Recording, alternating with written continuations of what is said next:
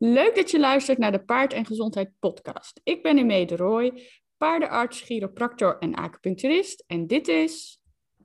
Ik ben Iris van Gulek en ik ben ook paardendierarts. En Mee en ik hebben samen gestudeerd.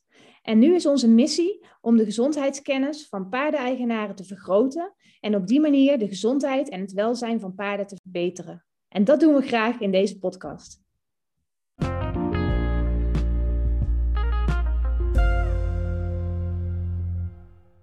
Nou, ik ben helemaal blij, want het wordt bijna lente. Het is echt zo lekker weer buiten. Het is denk ik uh, eh, 15 graden ondertussen. Vorige week was het nog sneeuw en uh, vriezen en zo. nu is het 15 graden. Dus hou uh, goed rekening met je paard hè, als hij een deken op heeft. Dat je op tijd wisselt, want die krijgt het veel te heet. Ik hoef bijna al geen winterjas meer aan. Ik denk dat ik dadelijk lekker ga paardrijden. Um, ik ben eigenlijk aan het werk. Maar soms moet je jezelf iets gunnen als het mooi weer is. Dus uh, ik denk dat we dat maar even gaan doen. Maar ik moet eerst nog even een podcast opnemen. en May die uh, stuurde me gisteravond een berichtje dat ze super druk was en helemaal geen tijd had. Dus nu uh, ja, zit je met mij opgescheept. Maar ik heb wel een interessant onderwerp. We gaan het hebben over bloedneuzen. Want uh, ja, daar krijg ik nog regelmatig vragen over. En dat zie ik ook regelmatig bij patiënten. Niet heel veel natuurlijk, maar er wordt ja, elke drie maanden denk ik ongeveer, misschien iets vaker, wel een patiënt aangeboden met een bloedneus om uh, verder onderzoek te doen. En um, als eigenaar schrik je natuurlijk wel hè, als je paard bloed in zijn neus heeft. Het lijkt ook al heel snel veel. In de zin van één drupje, als het met wat schuim vermengt, dan lijkt het al snel uh, ja, veel bloed. Um, nou is dat meestal niet zo heel veel. Soms wel hoor, bij sommige aandoeningen. Maar meestal valt het mee en zijn het echt een paar, een paar druppels. Um, dus daar schrik je van. En dan wil je weten van, ja, wat is het nou eigenlijk en wat is er aan de hand? Ik had laatst nog een patiëntje. Het is alweer uh, een maandje of zo geleden, denk ik. En dat patiëntje die uh, werd ook aangeboden met een bloedneus. En die had al een paar keer een bloedneus gehad. En dan is het belangrijk dat we zo'n paard echt uh, ja, uitgebreid onderzoeken eigenlijk, om te kijken van waar komt dat nou vandaan. Dus die heb ik uh, nagekeken, is klinisch. En daarna met de scope gekeken. En met de scope gaan we dus met een slangetje, met de camera erop, in de neus en in de luchtwegen. Om te kijken van ja, kunnen we iets achterhalen waar die bloeding nou eigenlijk vandaan komt. De structuren waar die bloedingen vandaan kunnen komen zijn vaak het zeefbeen, de luchtzakken of de longen. Of natuurlijk iets anders in het hoofd. Denk aan de voorhoofdsholtes. Al zien we daar niet vaak bloedingen uit. Um, of dat er gewoon een vaatje in de neusgang of in de keel geknapt is. Dat kan natuurlijk ook een paar druppels bloed geven. Um, wanneer we veel bloed zien, en um, is niet altijd, kan ook een beetje bloed zijn, maar we zien nog wel eens bloed bij het sonderen van een paard. Als zo'n paard niet goed stilstaat, met het hoofd beweegt bijvoorbeeld, of um, tijdens dat je de slang inbrengt, een keer uh, met zijn hoofd naar links of naar rechts uh, ja, zwaait, dan uh, kan het dat de zonde, dus dat is die slang, tegen het zeefbeen aankomt. En het zeefbeen is een structuur boven in de neusgangen, die ervoor zorgt dat de ingeademde lucht opgewarmd wordt en dat die ook vochtig gemaakt wordt. Nou, daar zitten heel veel bloedvaatjes en dat bloedt ook echt wel hard als dat flink geraakt wordt. Ik moet zeggen dat uh, als ik een paard sondeer, het gelukkig uh, altijd meevalt. Ik heb niet zo vaak een bloedneus. Uh, ik fixeer ze ook altijd wel echt goed. Ik wil dat de eigenaar ze vasthoudt en dat nog iemand ze vasthoudt. En we doen altijd een praampje op. Dus wel heel belangrijk om dat uh, ja, gewoon zo optimaal mogelijk te doen bij het sonderen. Want als ze gaan bloeden door het bloeding in het zeefbeen, dan kan het ook echt wel hard gaan. En met hard bedoel ik um, ja, dat er zowel eens een liter bloed of meer uit kan komen lopen, dat het echt een dikke straal is. Dat is natuurlijk altijd heel erg schrikken en alles zit onder. Vooral als ze dan ook nog even lekker gaan briesen, dan uh, kunnen ze de hele muren en de stal en alles ondersmeren. En de dierenarts natuurlijk, want die staat altijd uh, voor het paard, dus op de slechte plek. Het is heel belangrijk dat die paarden goed stil blijven staan. Nou, in dat zeefbeen kan ook nog um, een ander probleem optreden, wat ervoor zorgt dat zo'n paard kan gaan bloeden, een bloedneus kan krijgen. Dat zijn vaak ja, druppeltjes bloed, dat je die in de neusgang ziet. Um, en dat kan ook terugkomen. En wat we dan hebben is een etmoïdaal hematoom. En dat is een ja, tumor in het zeefbeen. En uh, dat is een structuur die dus gaat groeien en waar dan het bloed vanaf komt. Het is heel belangrijk om die vast te stellen. Dat doen we door middel van een scopie. Dan gaan we dus kijken hoe dat eruit ziet. En dan zie je vaak zo'n tumor zitten. Is een beetje een uh, ja, geel-groenige zwelling in dat zeefbeen van het paard. En het is ook verstandig om eventueel nog verder onderzoek te doen. Bijvoorbeeld een CT-scan of röntgenfoto's. Om te kijken hoe groot dat nou eigenlijk is en waar het precies zit. En dat is heel fijn als je dat weet voordat je dat paard uh, gaat behandelen eigenlijk. Dus um, met de zonde en het meioidale hematoom, die komen voor in het zeefbeen. Heb je ook nog de luchtzakken. En de luchtzakken van een paard, dat is eigenlijk een grote verwijding van de buis van Eustachius. En dat zit dus ja, in het keelgebied van het paard. En de paarden zijn ook de enige dieren die die luchtzakken hebben. Nou, die luchtzakken zie je als je in een paard kijkt met de scope door twee klepjes eigenlijk. Dus je kunt niet in de luchtzak kijken op dat moment.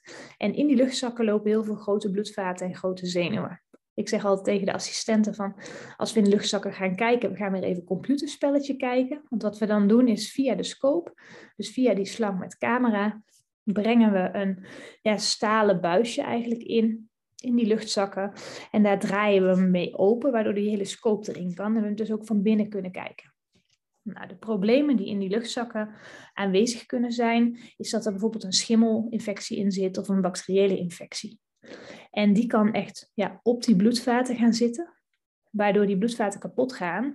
En zo'n paard dus ook uh, ja, ernstig kan gaan bloeden. Want dat zijn grote bloedvaten. Er zijn ook paarden die, uh, als ze dan zo'n bloedneus krijgen, ja, flink door blijven bloeden.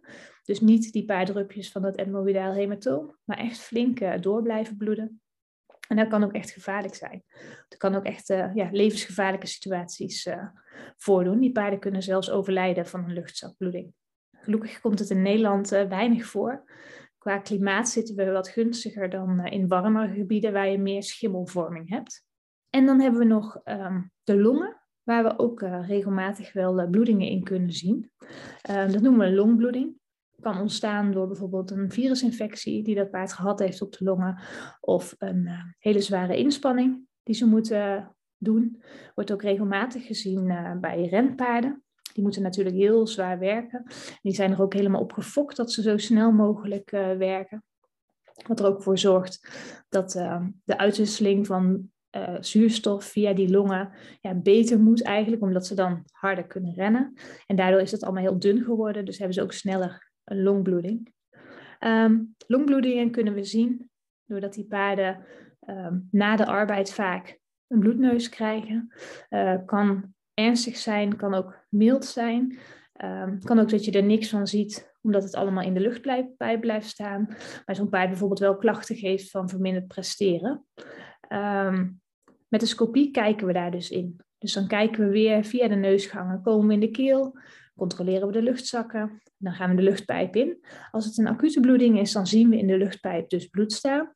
Um, als die van gisteren is, zien we ook nog wel bloed in de luchtpijp. Als hij wat ouder is, zien we daar niks meer van, maar kunnen we wel een longspoeling doen. En dan halen we dus met vocht wat cellen uit die longen. En dan kun je dus in die cellen zien dat er een bloeding geweest is.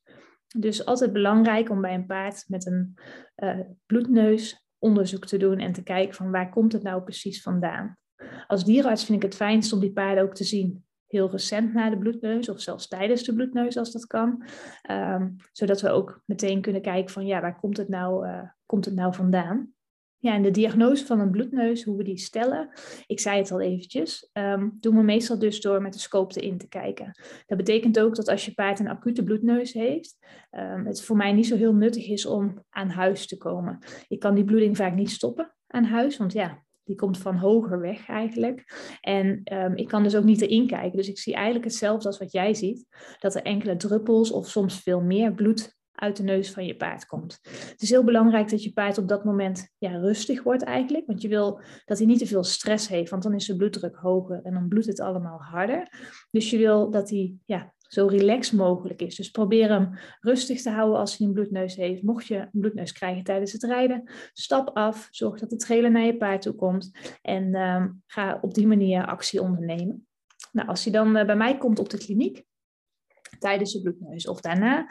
Dan uh, gaan we dus eerst klinisch onderzoek doen. Dus uitgebreid nakijken, ook naar de longen luisteren en zo. Kijken of ze geen koorts hebben. En daarna gaan we dus uh, met de scope erin kijken om te kijken van... Ja, komt het uit het zeefbeen? Komt het uit de longen? Komt het uit de luchtzakken? Om op die manier een diagnose te kunnen stellen. En vanuit de diagnose kun je dus weer een behandeling uh, schema in gaan stellen. En die behandeling is dus per aandoening anders. Dus een longbloeding wordt anders behandeld dan een etmoïdaal hematoom in het zeefbeen. En ook weer anders dan een uh, schimmelinfectie in de luchtzakken. En uh, dat zal je dierenarts dus ook helemaal voor je ja, uitleggen wat er het beste is voor jouw paard op dat moment. En ook uh, ja, de prognose natuurlijk. Wat nog misschien belangrijk is om te weten, is dat een paard van 600 kilo ongeveer 40 liter bloed heeft. Um, dat is best veel, hè? dat is vier volle emmers zeg maar 10 liter emmers vol. Dat betekent dus als je paard een beetje bloed verliest, um, dat het niet ernstig is. Een paard kan eigenlijk zomaar 5 liter bloed verliezen, dus een halve emmer vol, zonder daar ook maar ja, merkbaar problemen van te krijgen. Um, ehm, 5 liter is natuurlijk echt heel veel. Dat is echt een mega plas op de vloer. Dus het lijkt al snel, als je een beetje bloed verliest en je hebt een plasje onder de neus van je paard liggen, dan lijkt het al snel heel veel. Maar maak je niet meteen te druk, want het is dus vaak veel minder dan dat hij kan missen. Dus dat is wel heel belangrijk. Want als jij zelf rustig blijft, omdat je dus niet in paniek raakt en ehm, rustig je paard uh, kalmeert, dan zakt die bloeddruk dus weer. Dan zal het bloed, bloeden ook eerder stoppen. En ehm, het is ook wel ja, super belangrijk om even contact op te nemen natuurlijk met je dierenarts, om te kijken wat je moet doen op dat moment. Nou, ik uh, hoop dat ik weer uh, veel verteld heb over een bloedneus. En dat als je paard ooit een bloedneus heeft, dat je niet meteen in paniek raakt. En dan uh, zullen we volgende week weer samen een podcast opnemen. Doei doei!